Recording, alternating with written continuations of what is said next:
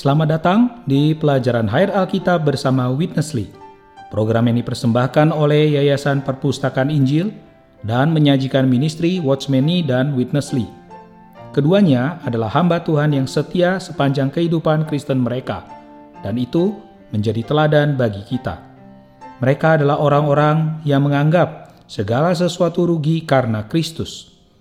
Witnessly menyelesaikan karyanya yang paling lengkap yang disebut pelajaran Hair Alkitab sebelum dia dipanggil Tuhan pada tahun 1997. Program ini menggabungkan kutipan singkat dari berita aslinya dengan beberapa komentar dan persekutuan dari kami. Seperti biasa, kami ingin mendengar pendapat Anda atau menjawab pertanyaan apa pun yang mungkin muncul saat Anda mendengarkan. Anda dapat menghubungi kami di pelajaranhayat.com. Sekarang, Mari kita ikuti program hari ini. Apakah iman itu? Kita tahu bahwa kita telah diselamatkan oleh iman. Tetapi, oh, betapa sulitnya mendapatkan iman jika kita mencarinya di tempat yang salah. Senang sekali Saudara Gumulya ada bersama dengan kita untuk bersekutu tentang pelajaran hayat ini. Saya juga senang. Terima kasih. Saudara Gumulya, Hari ini kita telah sampai pada pelajaran hayat yang menurut saya memiliki potensi untuk menjadi wahyu yang mengubah hidup banyak anak Tuhan mengenai iman. Dan saya rasa hari ini kita akan melihat iman tidak seperti yang dikenal oleh kebanyakan orang Kristen. Mari kita lanjutkan dan bergabung bersama saudara Witness Lee untuk pelajaran hayat ini. Chapter 4 is Roma 4 adalah pasal yang dalam sekali. Kita tidak seharusnya memahaminya hanya pada permukaannya saja. Kalau kita mendalami pasal ini, kita akan nampak bahwa pasal ini mewahyukan bahwa pembenaran yang tepat dan hidup adalah karya Allah yang lebih dalam, yaitu Allah memanggil manusia yang jatuh dari segala perkara yang bukan Allah, serta membawa mereka kembali kepada diri Allah sendiri.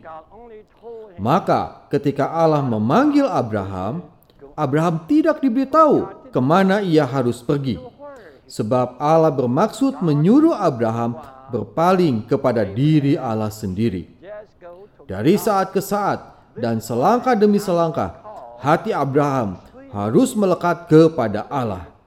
Dalam setiap tindakannya, ia harus bersandar kepada Allah dan tidak meninggalkan Allah sesaat pun dengan kata lain, Abraham harus bersatu dengan Allah. Setelah Allah memanggil Abraham keluar dari Ur Kasdim, Allah melatih Abraham untuk beriman kepadanya. Seperti telah kita lihat, percaya kepada Allah berarti beriman ke dalam Allah dan bersatu dengan Allah. Dalam iman ini, manusia mengakui dirinya bukan apa-apa, tidak memiliki apa-apa, dan tidak bisa berbuat apa-apa. Manusia mengakui dirinya harus diakhiri. Itulah makna sunat yang tepat. Ketika seseorang dipanggil Allah dengan cara demikian, Allah yang hidup itu segera mentransfusikan dirinya ke dalamnya. Istilah transfusi ini sangat penting sekali dalam melukiskan perkara-perkara yang terjadi pada saat Allah memanggil manusia. Allah yang hidup dengan sendirinya mentransfusikan dirinya ke dalam diri orang-orang yang dipanggilnya. Akibatnya, manusia tertarik oleh Allah, bahkan tertarik ke hadapan Allah. Tanpa disadarinya, unsur dari esens Allah yang hidup itu ditransfusikan ke dalamnya. Dan ia bereaksi kepada Allah dengan percaya kepada dia. Reaksi itulah yang kita sebut iman. Iman bukan berasal dari diri kita, melainkan dari Allah. Firman tidak terpisah dari Kristus, sebab iman sesungguhnya adalah Kristus sendiri yang mentransfusikan dirinya ke dalam kita dan yang menimbulkan reaksi di dalam kita. Iman kita adalah suatu gema. Tanpa ada suara, tak mungkin ada gema. Kristus itulah suaranya. Ketika suara itu mencapai hati dan roh kita, timbullah reaksi, yaitu gema. Reaksi ini ialah apresiasi dan iman kita kepada Tuhan Yesus.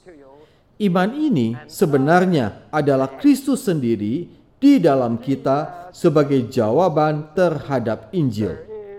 Karena itu, iman ini dihitung Allah sebagai kebenaran kita. Ketika Kristus mentransfusikan dirinya ke dalam Anda, timbullah suatu reaksi di dalam Anda, iman. Setelah Anda percaya kepada Tuhan, Allah pun bereaksi kepada Anda, yaitu menghitung iman Anda atau Kristus sebagai kebenaran. Jika kita membaca Alkitab pada permukaannya saja, kita tak dapat menemukan pengalaman yang demikian. Tetapi jika kita mencarinya sampai ke dasar Alkitab, kita akan menemukannya di sana. Inilah pengalaman terhadap Allah yang menjadikan apa yang tidak ada menjadi ada. Pada saat kita diselamatkan dan datang ke hadapan Allah, kita tidak memiliki apa-apa.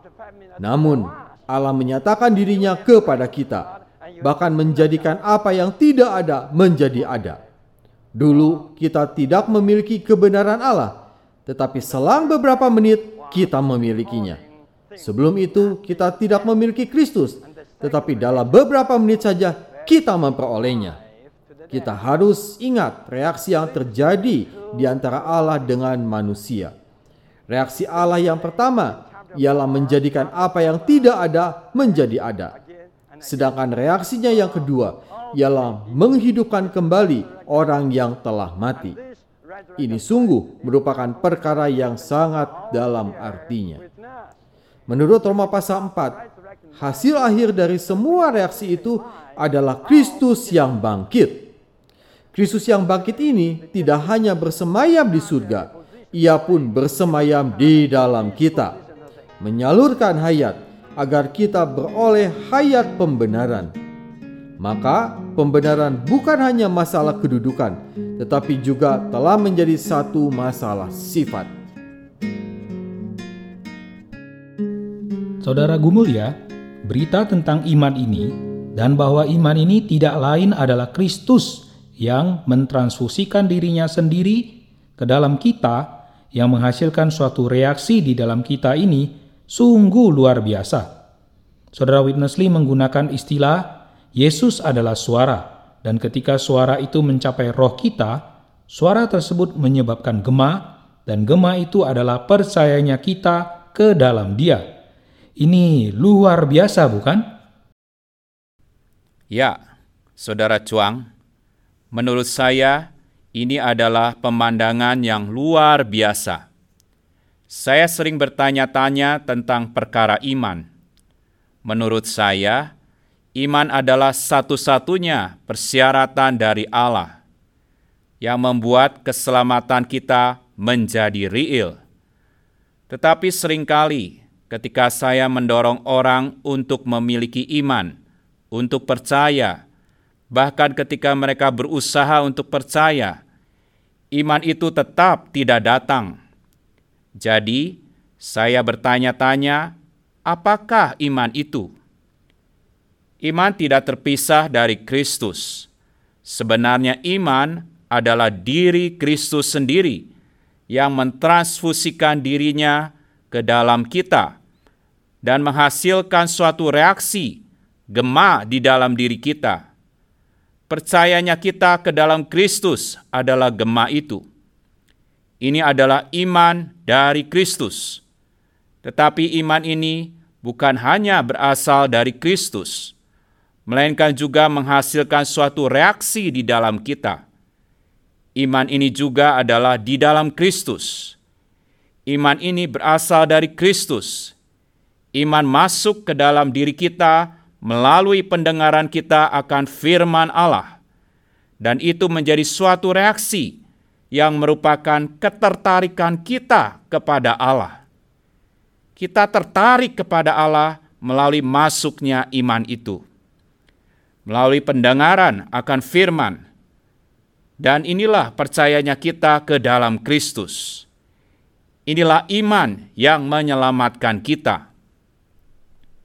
Sekarang kita dapat lebih memahami ayat-ayat yang mengacu pada iman Yesus Kristus.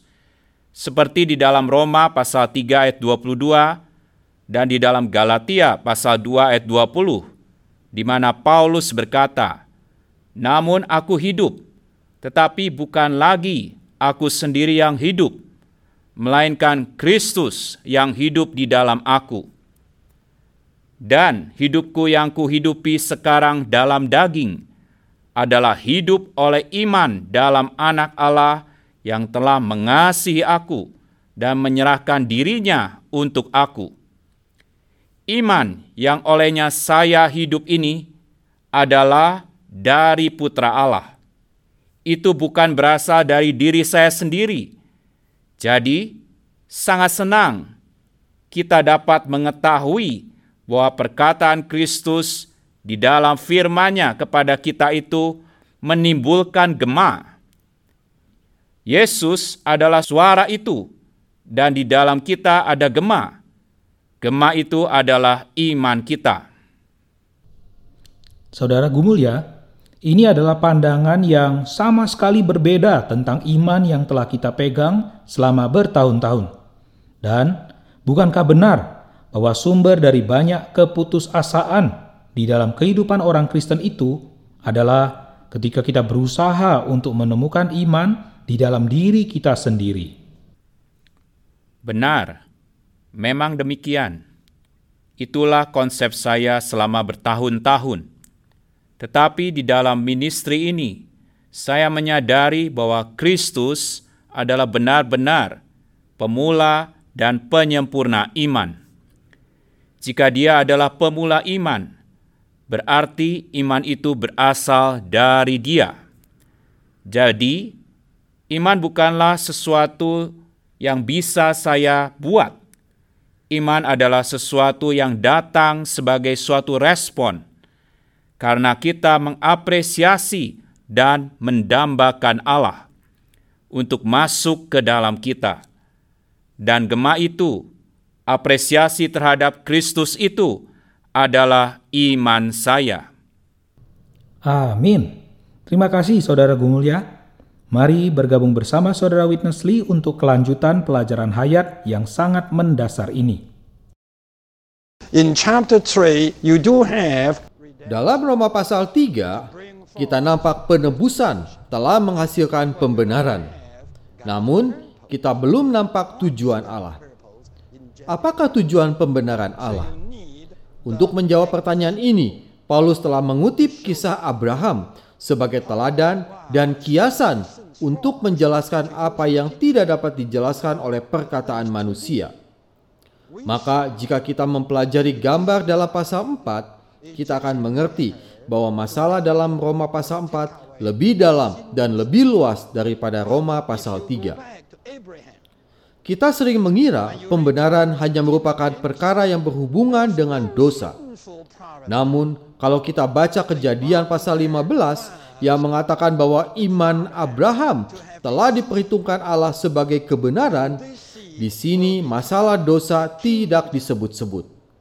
Dosa tidak terkandung di dalamnya. Titik beratnya terletak pada satu keturunan yang kelak akan menjadi kerajaan bagi penggenapan kehendak Allah. Kejadian pasal 1 menerangkan kepada kita bahwa manusia diciptakan Allah menurut gambar dan rupanya untuk mengekspresikan Allah sendiri. Dan manusia ini bukan yang individu, melainkan yang korporat. Allah telah menciptakan manusia yang korporat untuk mengekspresikan Allah dan menjalankan kekuasaan Allah. Dengan kata lain, Allah ingin memiliki suatu kerajaan sebagai wilayah untuk mengekspresikan kemuliaannya. Inilah tujuan Allah. Sayang, manusia telah jatuh dari tujuan Allah ini. Begitu manusia berpaling dari Allah, menyimpang dari tujuan Allah, dan diduduki oleh perkara-perkara lain, manusia terjerumus ke dalam dosa. Tetapi kejadian pasal 15 sama sekali tidak menyinggung masalah dosa, melainkan menyinggung masalah bagaimana Allah mencapai tujuannya. Ini bukan masalah keselamatan, melainkan masalah penggenapan tujuan Allah. Asal Anda terlibat dalam penggenapan tujuan Allah, Anda pasti beroleh selamat. Pada pembenaran Allah, yang penting bukan untuk keselamatan manusia, melainkan untuk menggenapkan kehendak Allah. Mengapa Allah memilih Anda? Allah memilih Anda yang penting bukan untuk keselamatan, tetapi untuk kehendak Allah. Mengapa Allah memanggil Anda? Allah bukan memanggil Anda untuk naik ke surga, melainkan untuk menggenapkan kehendaknya. Mengapa Paulus menyebutkan perkara tersebut pada Roma pasal 4? Abraham bersama keturunannya akan mewarisi dunia demi kerajaan Allah. Dan kerajaan Allah adalah untuk kehendak Allah. Roma 4 menerangkan kepada kita bahwa pembenaran Allah bukan agar kita dapat naik ke surga atau untuk keselamatan kita saja. Pembenaran menyebabkan Abraham beserta semua keturunannya yang beriman itu bisa mewarisi dunia. Bahkan bisa memegang kuasa bagi Allah di bumi seperti yang tercantum dalam kejadian pasal 1. Saudara Gumulya, ini adalah wahyu lain yang juga mendasar di dalam pasal ini. Sekarang tentang pembenaran. Saya rasa kebanyakan dari kita berpikir bahwa pembenaran itu hanyalah untuk diri kita sendiri agar kita bisa datang kepada Allah dan diselamatkan. Tetapi, Saudara Gumulya, tolong jelaskan bagaimana teladan kehidupan Abraham adalah kesaksian yang kuat bahwa pembenaran itu sebenarnya adalah untuk pemenuhan tujuan Allah. Saya percaya kebanyakan orang Kristen menganggap bahwa pembenaran itu hanya untuk membuat kita, orang-orang berdosa ini, agar menjadi benar di hadapan Allah yang kudus. Dahulu saya sering menjelaskan pembenaran ini dengan mengatakan bahwa itu hanya memulihkan kita kepada kondisi seperti waktu kita belum pernah berdosa. Tetapi di dalam berita ini, kita telah melihat bahwa pembenaran itu bukan hanya perkara posisi yang benar terhadap Allah, dan tidak ada dosa yang tersisa yang memisahkan kita dari Allah. Bahkan, kita bukan hanya dibenarkan di hadapan Allah, karena semua tuntutan hukum Allah terhadap saya telah dipuaskan oleh kematian Kristus. Ini memang benar, tetapi masih ada hal lain yang lebih jauh kita perlu melihat bahwa pembenaran adalah suatu tindakan yang sangat subjektif terhadap kita. Mengalami pembenaran yang subjektif itu berarti kita menjadi benar di hadapan Allah, bukan hanya secara posisi, tetapi bahkan secara kondisi juga. Hari ini kita sedang diselamatkan dari semua ketidakbenaran Pembenaran ini bukan hanya agar kita diselamatkan dari neraka, tetapi pembenaran ini juga adalah untuk membawa kita ke dalam tujuan dan rencana Allah. Abraham diberitahu oleh Allah bahwa dia akan memiliki keturunan, dan melalui keturunannya seluruh bumi akan diberkati. Abraham percaya kepada Allah, dan itu diperhitungkan kepadanya sebagai kebenaran. Itu tidak ada hubungannya dengan dosa. Itu adalah membenarkan Abraham, membuat dia menjadi benar karena percaya.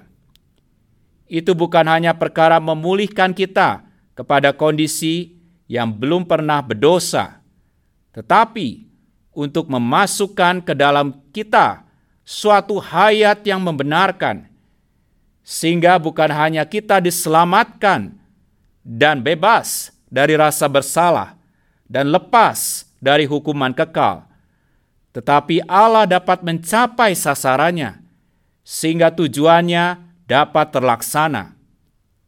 Keturunan di dalam kasus Abraham ini pada akhirnya adalah Ishak, dan melalui Ishaklah Allah mendapatkan umatnya di bumi. Jadi pembenaran sangat berkaitan dengan tujuan kekal Allah untuk memiliki suatu umat, agar dia dapat dibaurkan menjadi satu dengan umatnya itu. Saya sangat bersyukur, Saudara Gumulya, karena pelajaran hayat ini memperluas pandangan kita dan mengkalibrasi kita untuk mengenal isi hati Allah. Benar-benar membawa kita kepada pemandangan itu. Benar sekali. Mari bergabung kembali bersama Saudara Witness Lee untuk mengakhiri pelajaran hayat kita. In Genesis 15, Menurut kejadian pasal 15 ayat 6, Abraham percaya kepada firman Allah yang mengatakan keturunannya akan sebanyak bintang-bintang di langit. Maka imannya ini oleh Allah dihitung sebagai kebenaran. Walaupun pada masa itu Abraham telah menerima kebenaran Allah, namun ia kurang begitu paham terhadap fakta tersebut. Kebenaran ini seolah masih abstrak, kurang konkret. Bagi Abraham, hal itu mungkin hanyalah satu istilah. Dalam kejadian pasal 16, kita nampak kelahiran Ismail. Dari segi kedudukan, Abraham sudah memiliki kebenaran Allah. Tetapi dari segi watak atau sifat, ia belum memilikinya. Ia hanya memiliki Ismail. Maka sunat diadakan. Karena Abraham hendak menggenapkan kebenaran Allah melalui perbuatannya sendiri. Galatia pasal 4 mengatakan bahwa Hagar melambangkan hukum Taurat. Maka melahirkan Ismail melalui Hagar berarti melakukan hukum Taurat. Perbuatan itu bukan kebenaran Allah. Abraham harus belajar mengakhiri dirinya sendiri, harus menghentikan daya upaya sendiri dan harus disunat. Dalam kejadian pasal 17, Allah mengatakan tentang Ishak dan berjanji akan membuat perjanjian dengannya. Ditinjau dari segi lambang, Ishak melambangkan Kristus sebagai kebenaran yang Allah perhitungkan bagi orang-orang yang telah percaya demi iman. Dalam kejadian pasal 15, Abraham sudah memiliki kebenaran Allah menurut kedudukan. Namun ketika Ishak lahir, Abraham pun memiliki kebenaran Allah menurut sifat. Ia kini telah mempunyai satu pengalaman yang sesungguhnya terhadap kebenaran Allah. Menurut pengalaman kita, kita dapat mengenal bahwa kebenaran yang terhitung bagi kita ketika kita percaya adalah Kristus itu sendiri. Ishak adalah lambang Kristus. Karena Ishak melambangkan Kristus, kita boleh mengatakan bahwa Ishak adalah kebenaran kita. Akhirnya, kebenaran Allah tidak lagi merupakan satu istilah yang abstrak, melainkan menjadi satu persona, yaitu Kristus yang bangkit. Kristus yang bangkit ini kini telah menjadi Ishak kita. Setelah Abraham menerima Ishak, ia merasa puas terhadapnya. Begitu pula ketika kita secara pribadi menerima pengalaman atas diri Kristus, kita merasa puas sekali terhadapnya. Tetapi ketika Anda sedang menikmati Kristus milik pribadi Anda itu, Allah datang menampakkan dirinya sama seperti ia menampakkan dirinya kepada Abraham di masa lalu dan berkata, "Persembahkanlah Ishakmu itu kepadaku." Mungkin Tuhan menyuruh Anda pergi ke gereja. Hal itu akan membuat Anda merasa tidak enak. Anda lalu menjawab, "Aku tak peduli gereja, asal aku sudah mengalami Kristus. Bukankah sudah cukup?"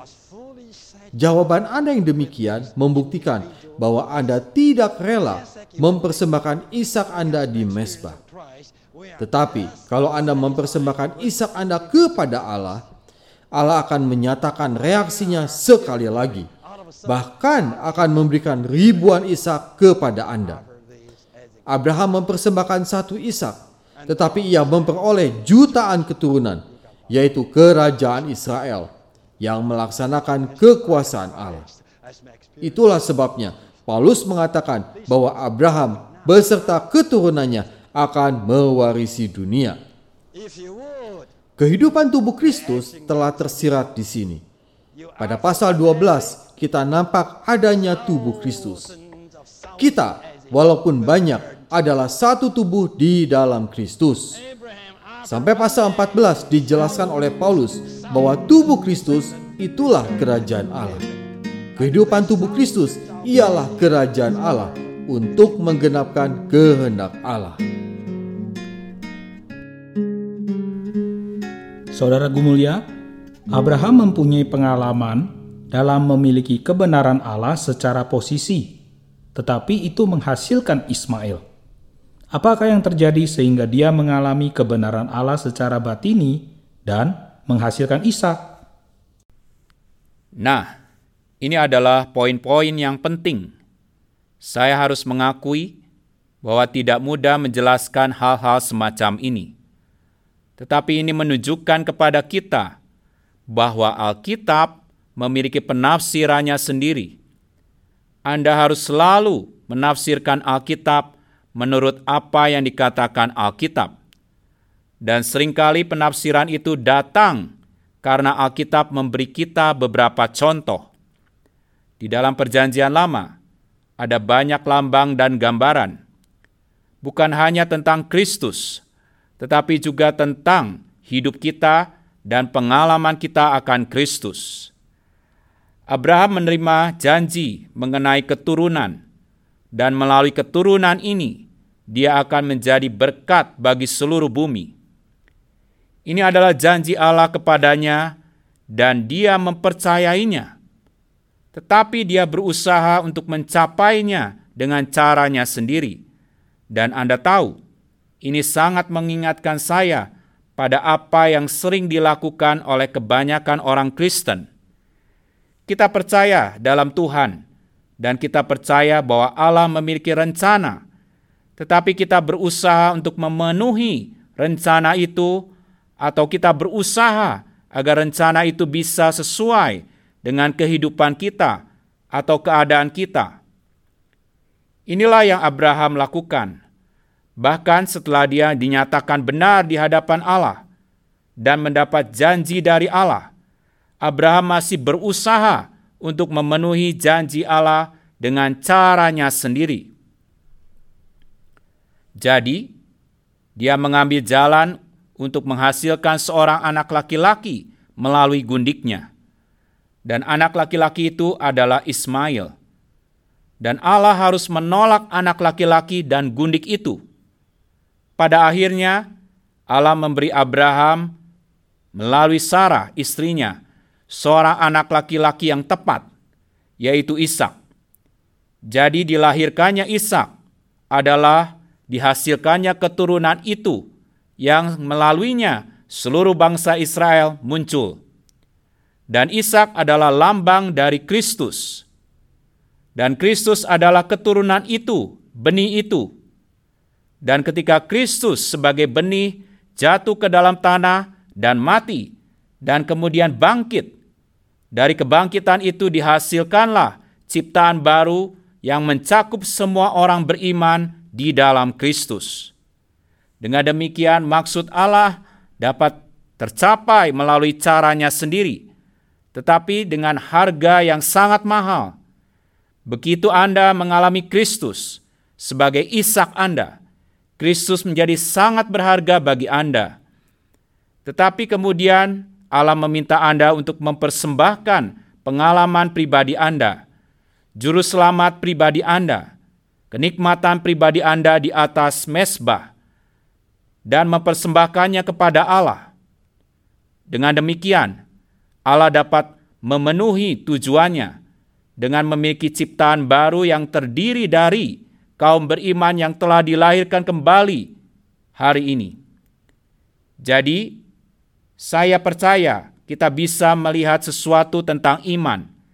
Kita bisa melihat sesuatu tentang pembenaran dan kita bisa melihat lebih jauh tentang tidak menggunakan cara kita sendiri untuk berusaha memenuhi tujuan Allah, melainkan dengan menikmati Tuhan Yesus Kristus dalam kebangkitan, untuk menghasilkan semua orang beriman, untuk menggenapkan tujuan kekal Allah. Terima kasih Saudara Gumulya atas persekutuan Anda dalam pelajaran hayat kitab Roma ini. Kita melihat begitu banyak hal penting yang sangat mendasar bagi iman orang Kristen. Dan 30 menit ini selalu tidak cukup bagi kita. Banyak poin telah diperlihatkan, banyak terang yang kita dapatkan. Kiranya para pendengar dapat selalu meluangkan waktu untuk pelajaran hayat ini. Saya mengharapkan para pendengar bisa membaca buku-buku pelajaran hayat dan benar-benar memasukinya, sebab kita tidak bisa hanya mengambil poin-poin pentingnya saja melalui program ini. Saya berterima kasih atas kehadiran saudara Gumulya di sini, dan saya berharap dapat bertemu kembali dengan saudara. Terima kasih banyak. Terima kasih telah mendengarkan pelajaran Hayat Alkitab bersama saudara Witness Lee yang diproduksi oleh Yayasan Perpustakaan Injil. Sekarang, Anda dapat menikmati buku-buku karya Watchmeni dan Witness Lee di komputer, tablet, atau ponsel cerdas Anda. Kunjungi pelajaranhayat.com untuk informasi lebih lanjut. Terima kasih telah mendengarkan program hari ini.